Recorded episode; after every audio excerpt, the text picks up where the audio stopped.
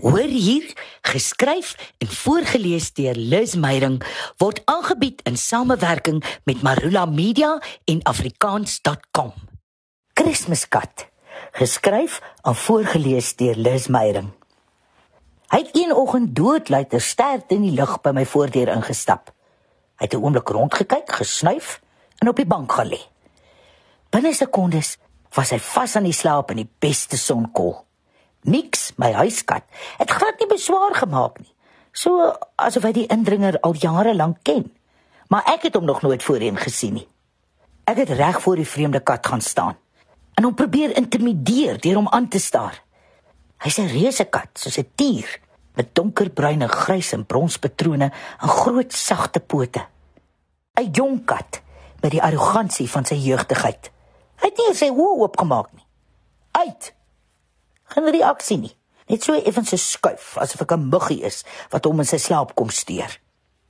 Later het hy doodluiter saamkom eet toe ek mik sy aandete voer. Hy het my met sy groot groen oë aangekyk en na sy laaste hap skramps of skamerig teen my kom skuur.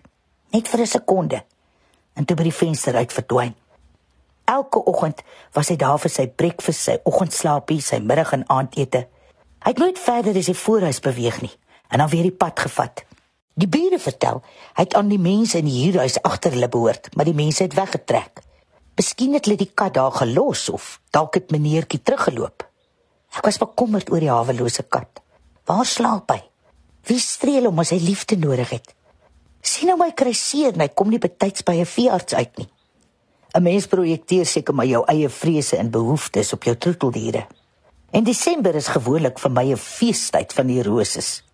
Ek is teen die maand vuisfoos, geïrriteerd met al die Kersfees klisjées, emosioneel omdat ek nog 'n jaar ouer geword het, gejaagd om al die projekte van die jare af te handel, vies oor die hitte, weerloos en seisoonaal beduiweld.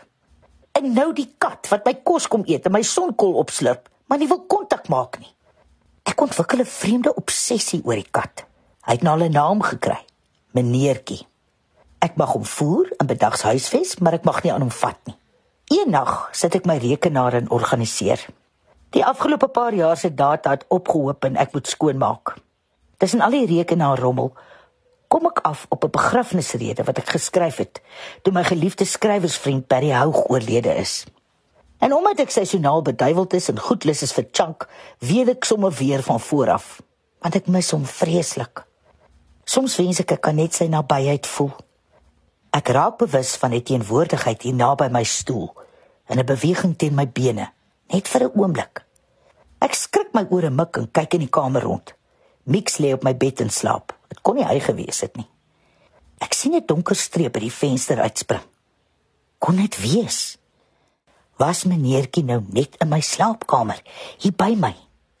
In die ou dae het hulle geglo elke goeie mens deel sy siel met 'n die dier hoe meer spiritueel jy ingestel was, hoe meer waarskynlik het jy 'n kat as geesgenoot gehad. Want die hekse van ouds was eintlik goeie mense. Hulle was kruie dokters en 'n gemeenskap se raadgewers. Hulle het die skepping, die lewe en die dood eerbiedig en verstaan. 'n Rukkie later gaan klim ek in die bed.